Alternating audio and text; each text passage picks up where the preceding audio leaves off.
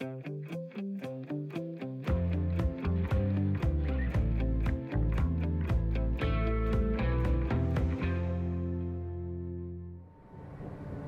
lytter til Radio 4-reportagen Klimarejse på skinner med mig, Tanja Kjeldgaard.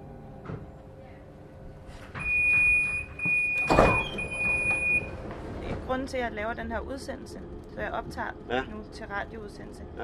det er jo det er, fordi, det er blevet så populært. Vi skal være så klimabevidste, og vi må ikke flyve. Nej. Så min familie flyver til Ja. ja. Sicilien, Ja. ja. og så sagde jeg, jeg tager toget. Ja, okay. Ikke? Men det er en lang rejse. Det er Ja. ja. en rigtig lang Ja. rejse. Der er to nattog, Ja, og jeg skal også have en overnatning i Venedig. ja. Åh, det bliver godt. Ja, Rigtig god tur. tak. Min far og hans kone har lejet et hus på Sicilien. De har inviteret børn, stebørn, kærester, en veninde og hendes to børn på en uges ferie. Min far og hans kone betaler huset og flybilletterne. Og så hører jeg mig selv sige, jeg tager toget. For hvor svært kan det egentlig være?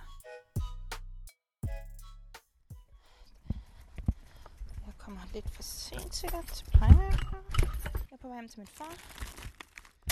Det undrer mig, at han ikke allerede har ringet og spurgt, hvad jeg bliver af. Hej, jeg smutter bare med ind, hvis ja. jeg kan nå det. Tak. Okay. Vi skal have planlægningsmøde med feriegruppen til Sicilien.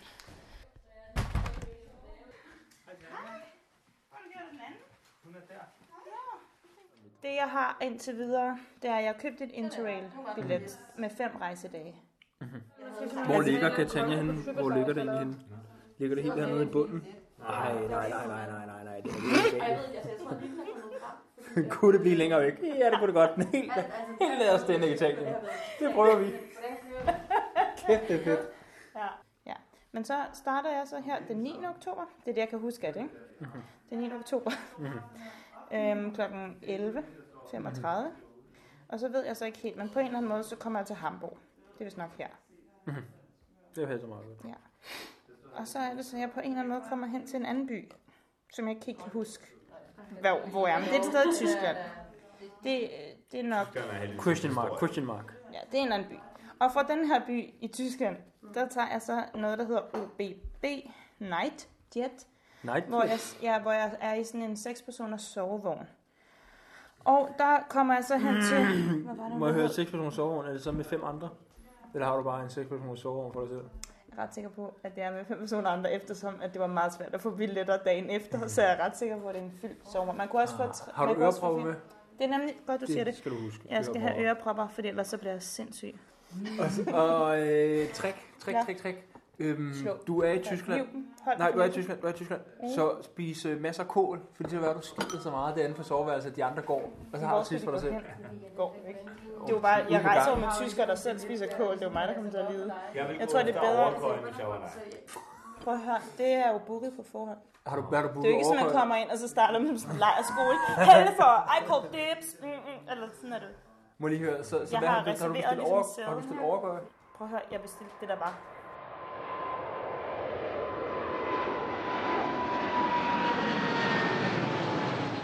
Normalt opfatter jeg mig selv som en meget klimabevidst type. Min far har været miljøborgmester i København, da jeg var teenager, og min mor har en webshop med fair trade og økotøj. Og så har hun lært mig, at man skal gøre rent med lageredike. Spanien mange gange, Portugal mange gange, Marokko et par gange, Tunesien, Kenya også nogle gange, Tanzania også nogle gange, Zimbabwe kun en gang. Men når det kommer til mit flyregnskab, så ser det sort ud. Sydafrika kun én gang, øh, og så herover Østtimor, Indonesien kun en par korte med øh, overnatning og mellemlanding, Thailand nogle gange. I dag står den globale flytransport for næsten 3% af vores samlede CO2-udledning.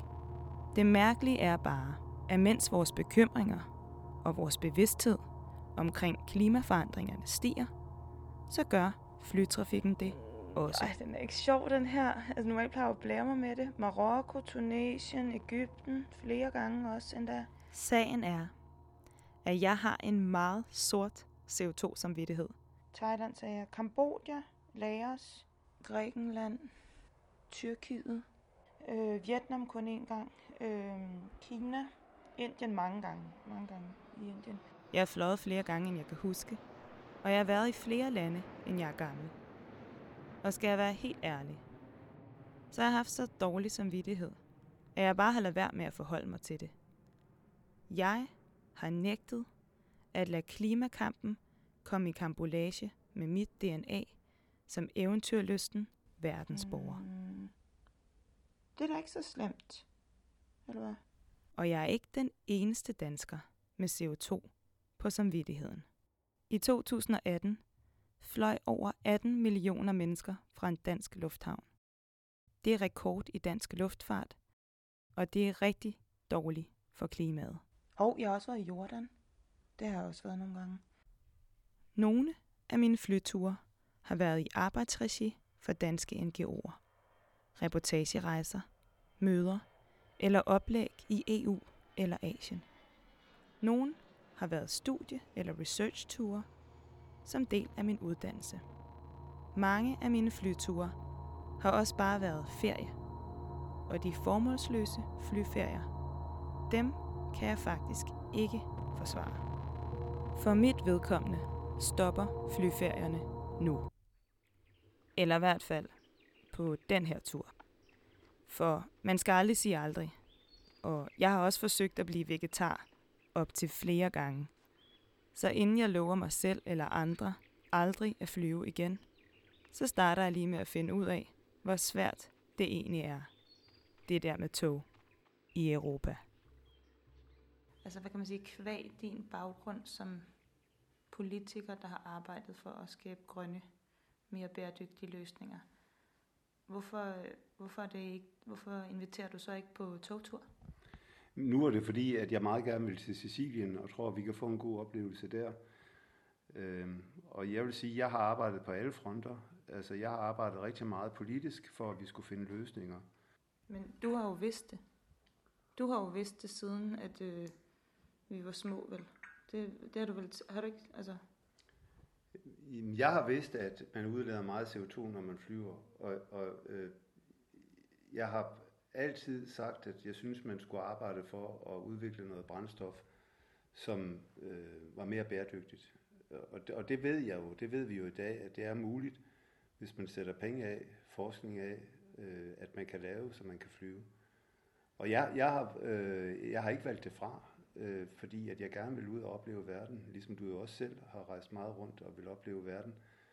Øh, jeg har også taget til klimatopmøder i Mexico og i Buenos Aires med fly, øh, sammen med alle de andre, hvor vi har alle de andre gjorde det. alle de andre, hvor, øh, Alle som, de andre også, også. som, som også skulle løse øh, verdens Ja. klimaproblemer.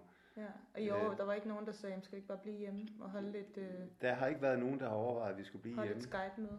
Jeg er også blevet inviteret til Madrid og andre steder og holde, holde oplæg om, hvordan man laver en bæredygtig energipolitik. Der har jeg også taget flyet ned. Ja. Men, men købt, altså Carbon Fund. Og det er jeg først begyndt på for to-tre år siden. Okay. Det med Carbon Fund, det vender jeg tilbage til. Først kommer vi til rejseplanlægningen. I'm, I'm going for the cheapest option where I can sleep, where I can lay, lie, lie down. So I guess that's a couchette, right? Yeah. Yeah. For naturligvis ved jeg godt, at det tager længere tid at rejse med tog, end at flyve til Sicilien. Men jeg havde ikke regnet med, at jeg også skulle bruge Oh, så mange timer Yeah. på at booke min togrejse. I traveled I've traveled these distances in India, but it somehow seemed easier. I don't know why. It's just strange, right? but um, Når jeg bestiller flybilletter, så bruger jeg som regel bare Momondo. Men i dag findes der endnu ikke nogen fælles platform, hvor jeg både kan lave en rejseplan og købe billetter til min togtur, hvis jeg skal rejse over flere landegrænser i Europa. so what's you think it's possible that it's already booked? Folk, der kender mig, de ved, at jeg altid kommer for sent. But is that normal? Like, is it... Uh... Men da jeg forsøger at booke togturen, så lykkes det mig faktisk at komme for tidligt. I alt opererer langt over 80 togselskaber i de 30 lande, som et Interrail-pas dækker. Og de, de har altså forskellige standarder for, hvor tidligt de frigiver billetterne.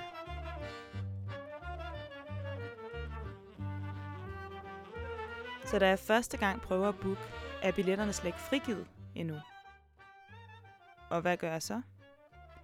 Jeg lægger opgaven med billetbooking på hylden, og der ligger den så lige lidt for længe. What about the day after? No, no, one day later. Maybe. Yeah. But what about an early or later one? How many trains are there? Jeg kan kun booke halvdelen af min rejse gennem Deutsche Bahn. Og de skulle ellers være de bedste. Men resten af rejsen med de italienske tog, den må jeg selv sørge for. Yeah, but uh, thank you so much, and I'm looking forward to um, receiving all tickets and stuff. Yeah. Okay. Desværre kan jeg ikke komme videre med den del, før jeg har modtaget mit Interrail-pas med posten. Altså, for helvede. Så nu, før kunne de ikke give mig mit pasnummer, mit Interrail-pasnummer, så jeg kunne bestille resten af min rejse selv. Jeg er ved at give op. Og nu, hvad det hedder, kan de så ikke, fordi det, var, det kunne jeg kun få fysisk. Og nu skal jeg så, Og jeg kan slet ikke overskue, hvis jeg bliver nødt til at kaste håndklædet i ringen og bede min far om alligevel at købe en flybillet til mig. tage billeder af mine fysiske billetter. Jamen, jamen jeg, forst- jeg er ved at give op nu. Altså, Og selvom jeg efterhånden har tilbragt mange telefontimer med hjælpsomme og kompetente mennesker fra Deutsche Bahn, så er jeg alligevel pænt frustreret over, hvor oldnordisk systemet er. because Yeah, I've heard so exactly. much, How- like, you're the best to Yes. do this, but uh, still it's We, we complicated. can do it, we can Yeah. do it, but we cannot do it as e-tickets. That's too much in the future. yeah, okay. But thank you for the Okay. explanation anyhow. Yeah. Men til sidst lykkes det mig at få sammensat en rejse. Min togtur fra København til Sicilien skal foregå med fem tog. To af dem skal jeg sove i. Og jeg ved godt, hvad fem tog betyder. Det betyder fem gange så stor risiko for, at jeg kommer for sent. For at få det hele til at gå op, så jeg har liggeplads i nattogene, har jeg indlagt et døgn i Venedig og booket en overnatning på et hotel der. Forud venter en 2.800 km lang togtur på 34 timer, fordelt over tre døgn.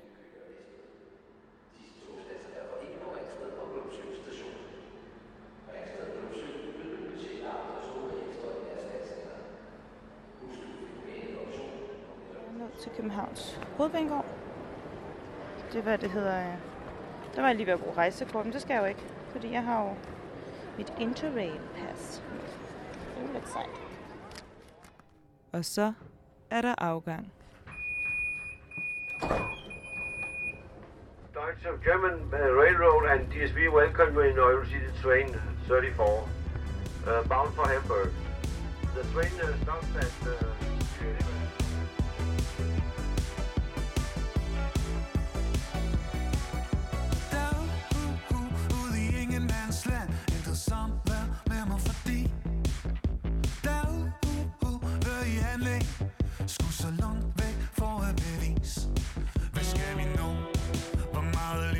til? Hvor tager vi timer det her? Når jeg er inde i det der Det er mig der må Jeg er så dybt i det her Jeg er så langt væk som man kunne gå Pas på, pas på!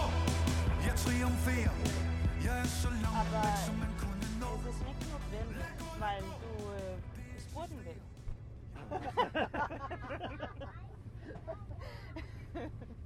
Zwölf, zwölf.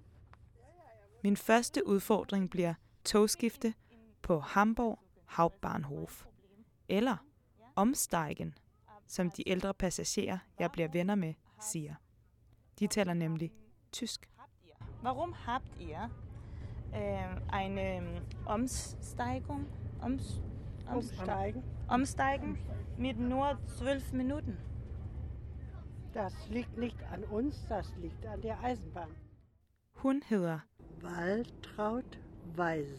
Og er vist omkring de 80, har en stor mobil med alle koderne klistret på bagsiden af telefonen. Han er 92 og hedder Hans, Hans Spandl. og er en blanding mellem galant og stedig, der senere forsøger at insistere på at hjælpe ham med en kuffert. Jeg føler nærmest, at jeg har fået en tysk Omar und Opa, og jeg føler mig øjeblikkeligt ansvarlig for at få os alle sikkert ombord på det næste tog mod München. Sie ist die Reise, Reiseleder. Ja. Ja. Es ist gut. Aber jetzt will ich diese nehmen. Ah? Stopp. Ich will. Was mit dir? Nein, Nein? Starke Männer. tak med.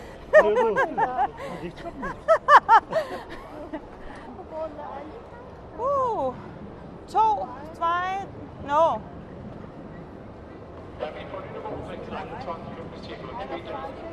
Ah. Okay, så det er 34. Sp- Ej, det ser hyggeligt ud. Det var spisevogn. Spej, der var de spejsevagen. Ja, det var en jubel, 21. 38. Og zwei Loks dran. Ah, 21. Es ist, 21? ja, ja, dieser. Ähm, hier, 22. Es ist die nächste, nächste. Ja. Nein, nein, die nächste. Kein Problem. Es, es ist nicht äh, 28 jetzt. So? Så er die Nummer noch. Ah!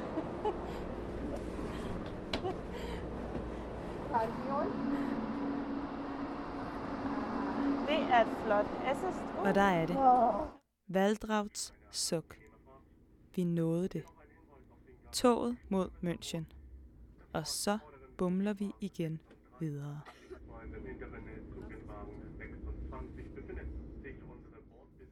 I det her tog får jeg tid til at reflektere over, om jeg bruger min tid rigtigt, hvis jeg vil passe på klimaet.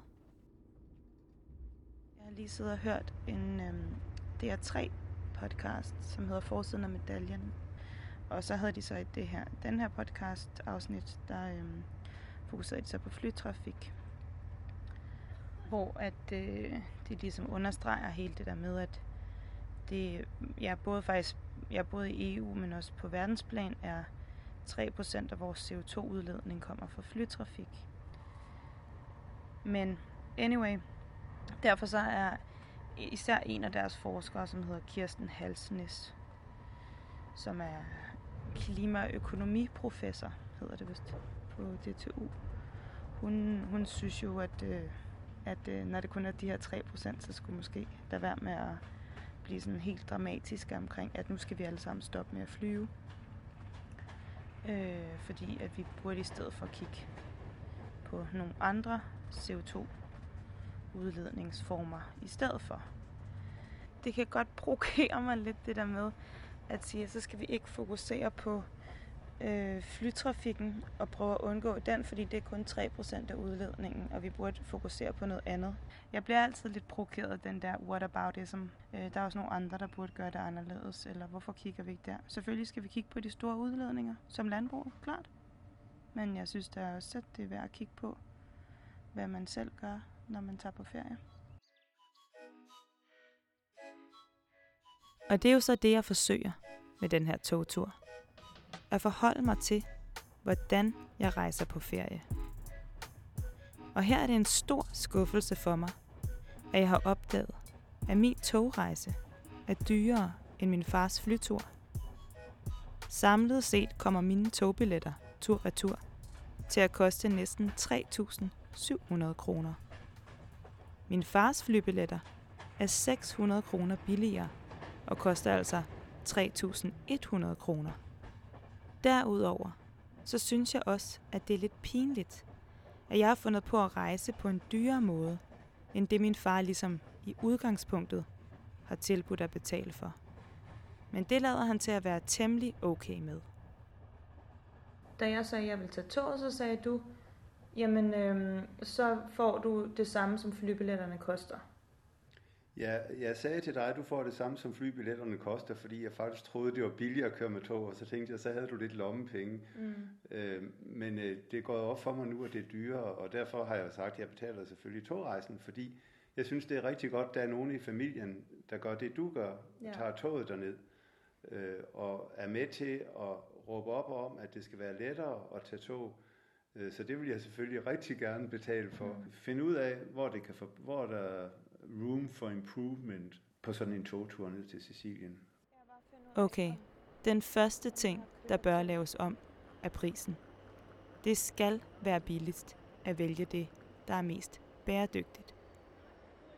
263, 200, 276. Tre dage før jeg skal møde min familie på Sicilien, er jeg nu nået til München. Jeg går langs perron 12 på München Banegård, og jeg prøver at gennemskue, hvor jeg skal ind i det her tog. Jeg har fået aftensmad i en spejsevagen og hele tre øl sammen med en finsk businessfyr. Og nu skal jeg finde mit nattog. Sorry. The first part. Okay.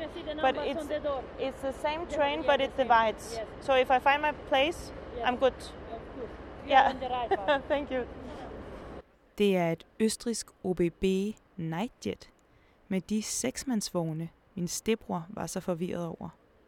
Og det er fuldt booket. Jeg døber hurtigt toget fra München til Venedig, Tetris-toget. Hi. S- Yes, yeah. So you're going in here? Yeah. Okay, then you just go ahead. I'm trying to record myself entering this very small place. Aber ich glaube, wir sind voll. auch alle rein. Ja, genau. Wahrscheinlich. They all want to get inside here. You want to get inside, right? Yeah, everybody. Everybody. Yeah, yeah. well, I think we just don't want to stand in the way, right? Do you happen to know which one of them is 64? Det gode ved Tetris-toget er stemningen, og det faktum, at samarbejde er nødvendigt.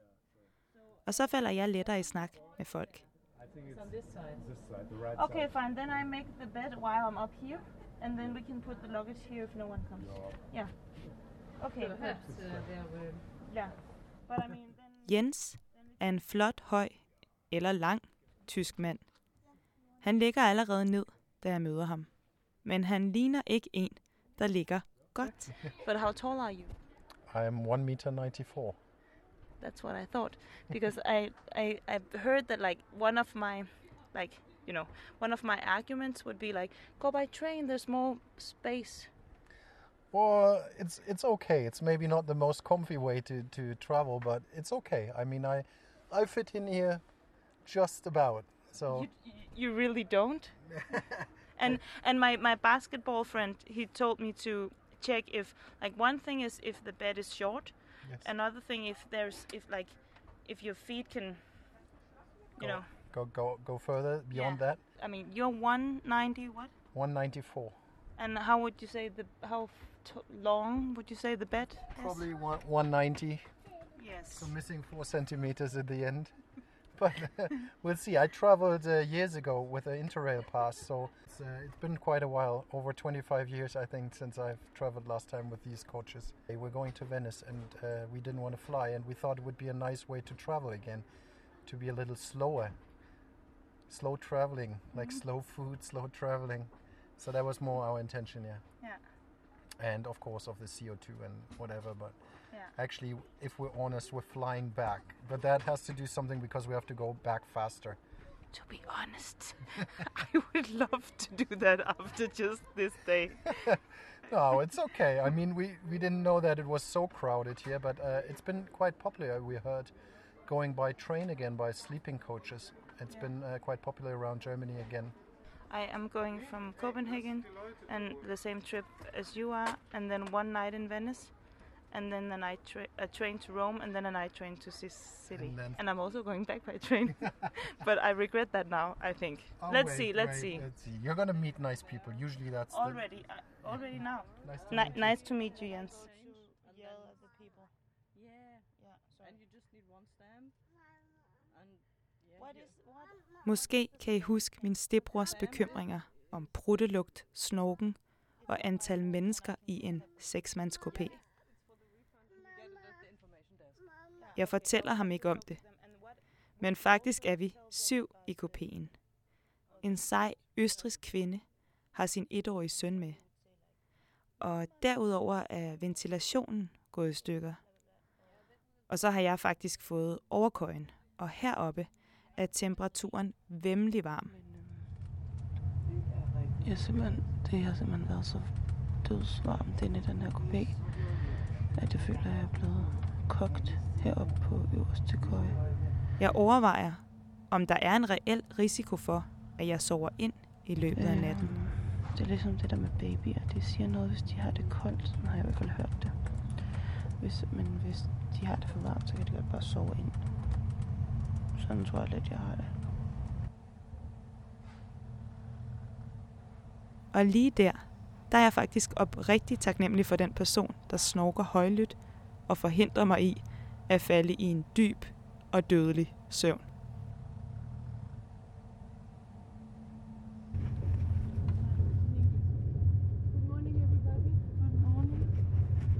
Så bliver vi vækket. Sengene bliver slået op, og vi får hvide boller, smør og syltetøj på små plastbakker, som vi nyder, imens vi nærmer os Venedig. Det viser sig, at jeg har sovet i kopé med en ældre mand, Olof. Olof. Olof, ja. Det er rigtig svensk. Ja, det er en arkitekt svensk. ved navn Olof. Han er en sjov fætter. Vi griner af, at min endestation på Sicilien Catania, hedder Catania. Catania, Catania. og at jeg Can- hedder Tanja. Catania kommer til Catania. Catania. Ja. Og Olof udbreder sig om alt det, man kan se fra et Eh, fly. När man flyger över eh, södra Alperna så kan man verkligen se hur de veckades en gång i tiden. De är som i stora böljor, vågor. Eftersom vi vet att Alperna har ju egentligen skapats genom att man har Det Olof forsøger at fortælle er, at alberne, set fra fly, ligner bølger eller en harmonika. böljor som, som böljor. Veck, veckas. Vækkers, det er det. Veckas. Der går lidt tid, før jeg fatter, hvad han taler om. Ah, på den måde. Ja, ja. Vækkers. Bølger. Som en, ja, som en eh, dragspel, harmonika. Du, du, du, du, du, du, du. Ja, you know. Ja, det, det, er et, det er et rigtig godt billede. Men kan, har du noget andet, jeg så kommer til at se fra toget? Fordi det her, det kan jeg ikke se fra toget. Hvad, er der noget, du tænker, jeg så får glæde af ved at tage det her tog? Ja, eh, ja, vad skulle det vara? Olof virker faktisk meget optaget af alt det, man kan se fra fly. Især for en, der har valgt at rejse med tog. Man håller på att bygga nu så de ska kunna stänga av, stänga av hela lagunen när vattnet kommer. Måske kan han bare godt lide eventyret. Tror kommer vi til at kunne se det fra toget? Nej, tror jag inte. Nej. Nej. Det kommer man også kun til at kunne se fra flyveren. Just det. altså, vi, vi har sovet dårligt, og vi kommer ikke til at se. Men det her, det får man ikke at se fra flyet, jo. Altså nej, det her, nej, nej. det er jo så... Ja, ja. Ja. Det man inte ser det är ju daglig verksamhet. Folk som arbetar och knegar och håller på och sopar och jobbar. Det ser man inte från flyget. Så att man, man lär ju sig mycket mer om ett land på detta sättet. Ja. Det tager altså også lidt længere tid. Ja.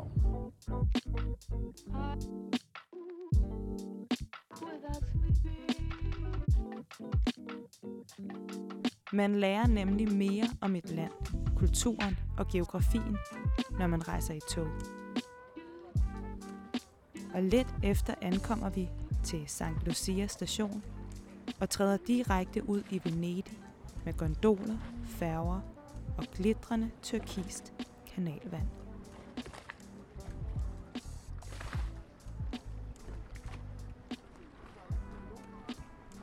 Jeg træder også alene og uforberedt ud i den mest romantiske by, jeg nogensinde har været i. Og så bliver jeg ramt af rejsestress.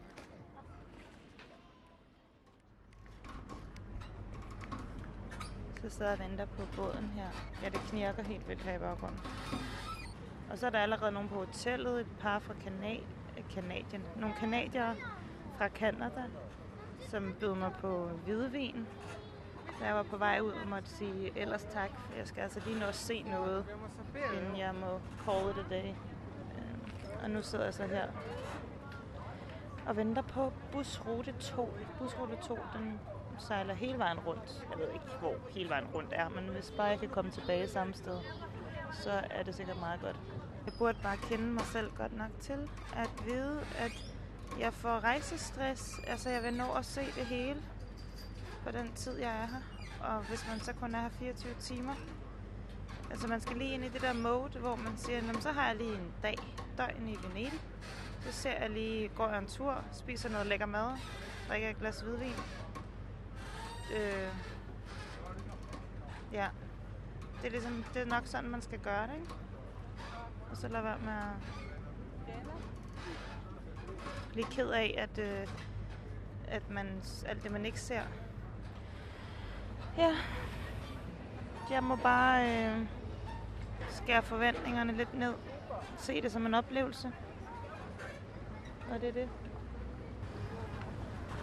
Og nu kommer toren. Så den hopper jeg med på.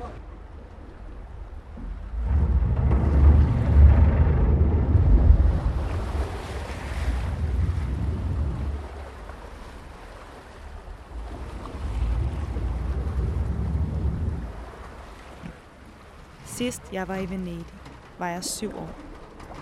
Dengang kaldte jeg de små både, der sejler rundt med turister i kanalerne, for kondomer. Og så fnes jeg stolt om en meget voksne joke. Det var i 1992. Nu er jeg her for anden og måske sidste gang i mit liv. Misforstå mig ej. Jeg vil skam gerne tilbage. Det er bare ikke sikkert, at der bliver så meget at komme tilbage til. Venedig er et klimaforandringernes knudepunkt. To modsatrettede bevægelser er i gang. Byen synker, og vandstanden stiger. Så kort kan det siges. Der er plade tektoniske bevægelser under Venedig, der får byen til at sænke sig. Og så er byens indbyggere brugt af de underjordiske vandreserver, hvilket også har fået byen til at synke. Og så kommer klimaforandringerne. Voldsommere vejr betyder, at Venedig de senere år har været plaget af oversvømmelser og højere vandstande. Lige nu der er jeg på Markuspladsen, eller Sankt Marco. Og faktisk er det et af de steder, jeg kan se, når jeg googler flooding eller oversvømmelser i Venedig. Så kommer der nogle ret ærgerlige billeder op af Markuspladsen i vand. Og i dag har jeg været rundt med båden og sejlet rundt i kanalerne. Og jeg må indrømme, at jeg er sådan helt... Det altså virkelig vildt, fordi det er jo et spørgsmål om... Altså bygningerne vokser jo op af vandet. Altså det er jo ikke noget med, at der er et, et fortov. Det er jo bare et hus, der rejser sig fra kanalen. Og det må være et spørgsmål om, altså sådan en halv meter fra eller til, det, det er det, der betyder, om du, du har oversvømmelse. Jeg forstår simpelthen ikke, at de ikke presser sammen. Hvis vandstanden stiger her, det er altså ikke sjovt. Det, øh, ja. Jeg kan huske, da vi i 2011 havde øh, stormflod i, eller hvad hedder sådan noget, der ikke stormflod. Det regnede helt vildt. Skybrud. Der blev min øh, morfars kælder oversvømmet inde på Frederiksberg. Og der havde jeg lige flyttet alle mine dagbøger og en masse papkasser med mine ting ned. Så de var fuldstændig ødelagt. Kan love jer for, hvis jeg boede i Venedig, så skulle jeg bo øverst op og aldrig gennem noget i min kælder.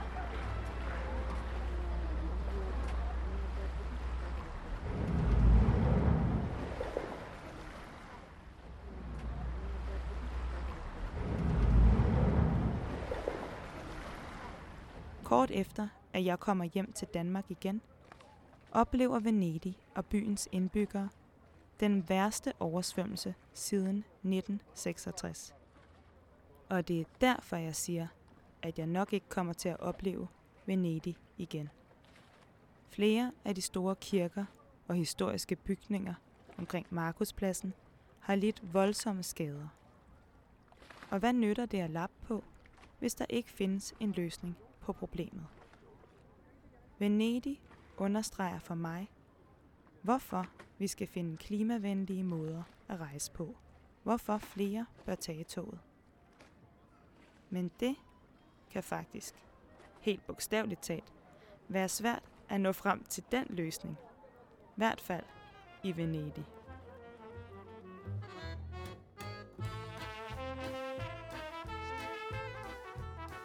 Okay, så lige nu der er jeg på vej til stationen. Forhåbentlig. Og jeg har 4% batteri tilbage. Og de her, de her smalle gader, de gør dig simpelthen svimmel. Jeg har taget en kanalfærge hen til mit hotel. Men nu skal jeg tilbage til stationen på gåben og med fuld oppakning. Det er løgn. Det er ikke så godt, det her. Ej, seriøst, jeg har lige været her. Jeg mener helt seriøst, jeg har lige været her. Are, are you also lost? Not really, Uh, but you... It's just, you know, I have 4% here? battery. Yeah, it's there. But it's like every time I turn, my plan was to follow the, the river. Oh, you're here, so... That's why. Min telefon er foruroligende lav på batteri. Og den lille Google Maps-mand lader til at være mindst lige så lost som mig. Han viser mig konstant i en ny retning. Walk it will uh, find himself. Yeah, I use my last 4%. I hope I find it. Good, have a nice trip. Too. Thank you. Kan man ikke komme forbi her? Nej, der kan man ikke komme forbi. Det var en dead end. Jeg ved ikke. Og det er sådan noget flere gange, når man kommer gående ned ad en vej. Eller en sti, eller hvad hedder det. En gade. Så ender den bare midt ud i vandet. Så du skal lige ikke have for højt tempo. Nå. Men ikke... Øh, altså bare det, jeg optager nu, er jo også totalt overmodet. Det er virkelig, virkelig smukt. Så man kommer jo også til at fortabe sig i det. Små balkoner, og der hænger, god hjælp mig, vasketøj. Altså jeg ved ikke, om det er noget, de gør for sjov. Det ser totalt ud, som man forestiller sig, det har gjort altid. Det er typisk mig. Jeg bliver sgu for overmodig, og så kan jeg godt lide at komme lige sidste øjeblik og, og stadig nå det. Men øh, det er jo ikke altid skide smart. Altså man kan sige, hvis jeg ikke når det her tog, så øh, når jeg ikke til Rom øh, til tiden, og så kan jeg ikke nå det næste nattog, hvilket vil være pænt anstrengende. Jeg når frem og finder mit high-speed-tog til Rom. Så holder toget allerede på stationen her, øh, og jeg nåede det i high speed gennem Venedigs gader og gyder. Blot for at se det køre for næsen af mig. Nej, nu kører det kraftedeme.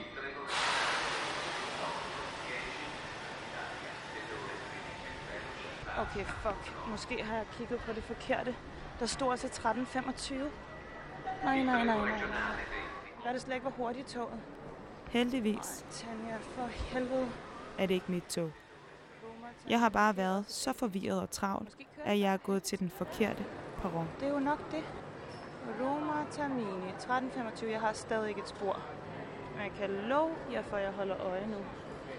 Jeg tror bare, jeg sætter mig her. Sådan helt autoriseret. Lige foran. Jeg slår mig demonstrativt ned foran oversigtstavlen og ender kort efter på det rigtige tog mod Rom. Det er ligesom i flyet, der er sådan nogle skærme ud for hver sæde næsten. Oppe i, øh, i loftet. Og rigtig lidt plads til håndbagage.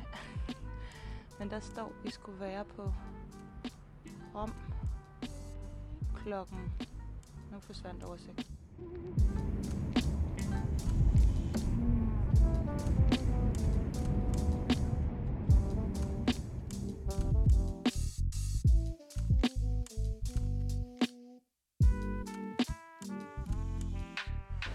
Så er jeg i Rom. Altså, jeg er bare gået ud af stationen, og så er jeg midt i Rom. Så har jeg lige tre timer. Og så kan jeg lige nå at se Colosseum. Så er jeg bare midt det hele. Det er... Det kan man altså ikke med fly. der er man altid placeret et eller andet underligt sted i sådan et aflukket rum, og det der med at komme ud af lufthavnen og se byen, det har man jo som regel ikke tid til, selvom man nogle gange har nogle lange mellemlandinger. Det kan sgu et eller andet. Altså især for sådan en tålmodig, utålmodig type som mig, så kan jeg jo nå at se meget og opleve meget, uden at blive sådan rigtig træt af det hele. Øh, ja, så øh, det, det må jeg sige, det trækker altså op. Min rygsæk er jo bare inde i sådan et sted, hvor de holder den for 6 euro. Det er måske lidt dyrt i forhold til, at jeg kun skal have nogle få timer der. Men altså, jeg er sluppet for alt muligt underligt security og irrelevant halløj med, at jeg ikke må have vand ind og ud, og hvis jeg først skal ud, så skal jeg ind. Altså, det er jeg jo over. Så øhm, man ankommer til centrum, og så kan man gå ud uden problemer, og så kan man gå tilbage tre timer senere. Det hedder man med luksus. Nu skal jeg lige have et selfie med, med det her Colosseum i baggrunden. Jeg tror, jeg har fundet et spot. Og efter en lynsightseeing, så skal jeg med mit sidste nattog til Catania. Og nu kan Tanja snart ikke mere. Det her, No, perdo un giorno perché ha corretto la data. det er den italienske kontrollør, der tjekker billetterne. That's the problem. It's because I used a pen. yeah. No, Og han er ikke tilfreds med mig. no, the problem is you Yeah. uh, write before uh, 10 Yes. and then, Then uh, 11. uh, and then 11. So Problemet er, at jeg har skrevet forkert på mit Interrail-pas, hvor jeg selv skal udfylde datoer for mine fem rejsedage. Det pas, jeg måtte vente på at få med posten. Jeg er kommet til at skrive den første dato, den 9. i 10. vandret i stedet for lodret. Og nu ligner det, at jeg har skrevet 10 på min anden rejsedag. so this is non possible. da jeg ikke har rejst den 10. For der var jeg jo i Venedig. Men derimod den 11. Så har jeg bare rettet det til et 11-tal. Den iværksætterånd falder ikke i god jord hos den italienske kontrollør. You must write the next space. So uh, you lost one day. You know? Du har mistet en rejsedag, siger han. Og jeg er ved at miste lysten til at køre med tog. Do you have some nail polish we can fix it? Selvom jeg joker og flabet, så synes jeg bestemt ikke, det her er sjovt. Han mener, at det er fusk. Og nu vil han have mig til at bruge et helt nyt felt. Det virker simpelthen dumt at diskutere, om der mest står 11 eller 10 på et felt på et stykke papir. Desuden har jeg lommerne fulde af billetter og reservationer. Then I have two tickets from Venice to Roma, from Roma to Catania. Stay there one week. Then I have from Catania to Roma, and then it's crazy. Og helt ærligt, det virker da mega latterligt, at en kuglepensstreg kan have så stor indflydelse. Især fordi flere af de tog, jeg har kørt med, ryster. Så risikoen for at skrive forkert er overhængende. Padova, Innsbruck, Flensburg, Fredericia, Jeg forstår heller ikke, hvordan jeg skal rette op på fejlen. Hvordan køber jeg en ekstra rejsedag? Det ved kontrolløren vist heller ikke. Han hiver fat i sin overordnede, og senere taler han også om politiet. Nok mest for sjov, men alligevel. Napoli, Napoli, Polis. Polis. Yeah. Yeah. but then they have to pay for one extra day if I'm going to jail. Uh, Allora. It's the boss of the jail. He will now check the boss will leave. Io, io mi tiro fuori. Heldigvis bliver jeg igen reddet af søde medpassagerer. De taler min sag, griner med og også af mig, But I go out. leave? I, I go out. Yeah, yeah, you should go out. Have I go a out. drink. Have a drink. Og da kontrolløren på et tidspunkt går for at tjekke nogle andres billetter, så smækker Francesca døren i, slukker lyset og siger, kom, nu sover vi, så kan det være, du slipper. Jeg falder i en dyb søvn. Jeg er simpelthen så udmattet. Da jeg vågner, er jeg alene i togkupéen. Francesca er stået af, uden at jeg har fået sagt farvel eller tak. Men hendes plan virkede. Jeg kommer frem med mit Interrail-pas og nok rejsedage til at kunne komme hjem. Siamo in arrivo a Catania Centrale. Og så er jeg fremme i Catania. Catania Centrale. Og jeg stod på stationen, og der var, da jeg kom ud fra stationen, så var der en, en dame, der var kommet løbende imod mig, mens hun skreg eller noget på italiensk. Og med armene ud til siden, og hun ville give mig et stort knus, troede jeg. Og jeg blev sådan helt, ja, det er mig, jeg nåede, jeg gjorde det. Øh, og så var det bare hendes børn, der stod lige bag ved mig, som blev omfavnet og knust, og ja, uh, et eller andet italiensk. Men det går nok, fordi jeg har faktisk ikke særlig meget lyst til selskab længere. Jeg er pænt mættet af indtryk og selskab, og især selskab fra italienske togkontrollører.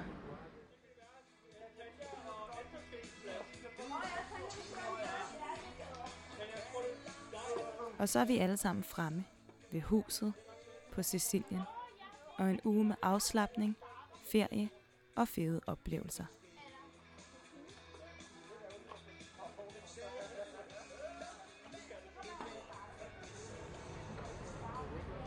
Det er også den her, de baserer det på. Så prøver jeg. Det er fra politikken, ikke? Ja. Øhm, På en café i Catania forsøger min stedbrors kæreste Clara og jeg at hitte rede i mit CO2-udslip. Vi forsøger at bruge de udregningsværktøjer, som politikken og DR har lavet.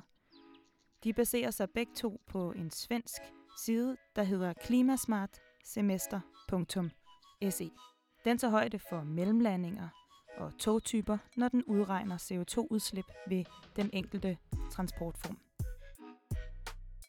Så vi har 58 procent dieseltog i Danmark, og i samlet Europa er det kun 19 procent. Wow, det kører bagud der. Det er sgu da lidt kikset? Vi når frem til, at jeg på min togtur udleder 111 kg CO2 fra København til Catania. Og hun, hun udleder fem gange så meget på sin flytur, nemlig 547 kg CO2, fordi hun mellemlander i Amsterdam. udleder et standardtog i Europa i snit 37 gram per passager per kilometer. Tallet er baseret på en gennemsnitsbetragtning for antal passagerer i togene, en belægningsgrad på 50 procent. Men det er kun transportformen, vi kan finde ud af at regne os frem til, hvad udleder. Altså ikke noget med min hotelovernatning, rengøring af togvogne eller fly, eller mad undervejs. Og jeg er jo trods alt afsted i tre dage mod Klares kun én dags rejsetid. Så måske er der også noget her, der skal kastes oven i puljen. Men for mig er fem gange så meget CO2 for en flytur kontra min togtur, altså en forskel, der er så markant, at jeg i hvert fald ikke er i tvivl om, hvem der har rejst mest miljørigtigt den her gang. Og derfor provokerer det mig også stadig, at det er billigst at udlede mere CO2. Men så var der jo det der med min fars CO2-kompensation, som jeg lovede at vende tilbage til. Hver gang jeg har fløjet de sidste par år, har jeg købt øh, sådan nogle, nogle kvoter. Og øh, vi har faktisk haft en debat øh, i det økologiske råd, vi er sådan med eksperter og Concito, hvor vi har diskuteret frem og tilbage, hvad, hvad er reelt her? Ikke? Ja. Fordi det er en jungle. Og, øh, og som sagt, det, det jeg har købt, det er det, som vi anbefaler, at man køber. Fordi at der bliver reelt plantet træ, og det bliver fuldt. Altså så kompen- kompensationen består i, at der bliver plantet træer. Der bliver plantet træer, og der bliver sat penge af til forskning, og den jeg har købt, det er sådan en basket. Det vil sige, det er, det er ikke bare plant skov eller forskning osv. Det er en blanding af det hele. Det kigger jeg på. Som jeg forstår det, Så har min far købt et certifikat, der viser, at han har plantet træer, der svarer til 18.948 ton CO2. Og hvad tror I så, det koster ham? Det koster ham 1.288 kroner. Vi, kan ikke være, altså vi kan kun være enige om, at det har taget længere tid, og det har kostet mere. Ved swimmingpoolen beder jeg min stebror Peter og vores familieven Mi hjælpe mig med at regne. 70 timer og 16 minutter, så runder vi ned til Jamen, nu, nu gør jeg, nu, 70 timer. Og så jeg er gør det sådan her. fordi- sek- Nu får vi lige det helt, helt præcis, okay? Vi griner, da vi finder ud af, hvor billigt det egentlig er at køre med tog. På den måde er det en god økonomi, jeg har. Okay, altså, du betaler under en krone i minuttet. I minuttet. Ja, fordi... Det er en god reklame, ikke? Rejse med tog koster altså- under en krone i minuttet. Ja, og du rejser til Italien. Ikke hvis du tager fra Nordhavn til Østerport, koster- Det koster det 16. Jeg spørger Peter, om han kan finde på at rejse med tog. Kunne du finde på det? Og tage tog? Næste gang vi skal på familieferie.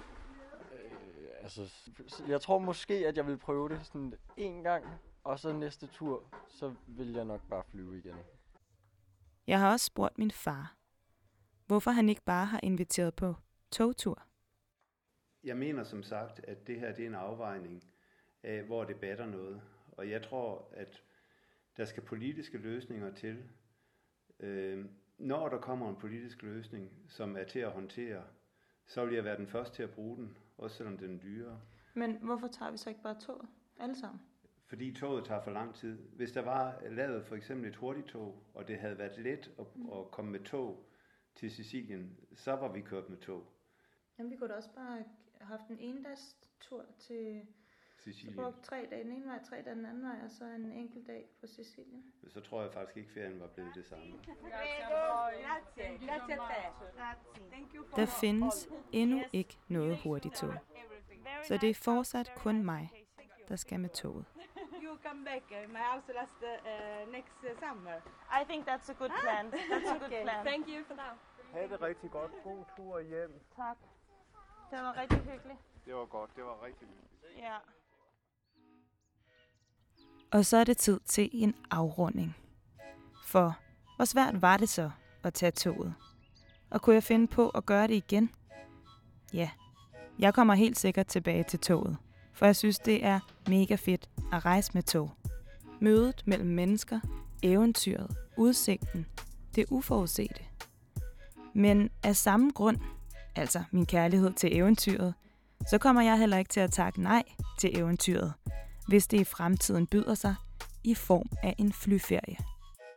Hvis jeg skal stoppe med at flyve, så kræver det, at politikerne gør flyrejser dyrere og togture bedre.